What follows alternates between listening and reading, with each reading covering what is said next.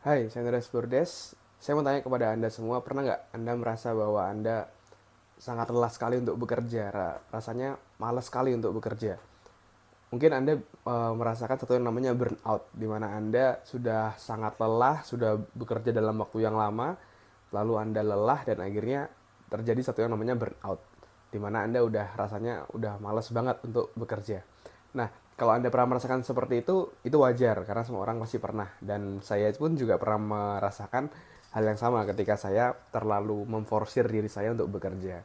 Terus bagaimana caranya mengatasi burnout seperti itu? Caranya sederhana yaitu dengan cara istirahat, yaitu dengan cara uh, having having fun, uh, memberikan me time pada diri kita. Itu adalah salah satu cara untuk membuat kita bisa lebih bisa fresh lagi. Namanya juga refreshing ya, refresh, membuat kita fresh lagi. Karena kalau kita bekerja dalam suatu waktu yang sangat lama sekali tanpa adanya istirahat yang cukup, akhirnya yang terjadi adalah membuat diri kita burnout dan uh, tidak bisa bekerja lagi dengan maksimal. Tetapi ketika kita misalnya setelah bekerja selama beberapa lama lalu kita istirahat uh, baru melanjutkan lagi untuk bekerja, itu akan jadi jauh lebih efektif. Kita bisa bekerja jauh lebih lama dan jauh lebih banyak dan juga jadi semakin produktif.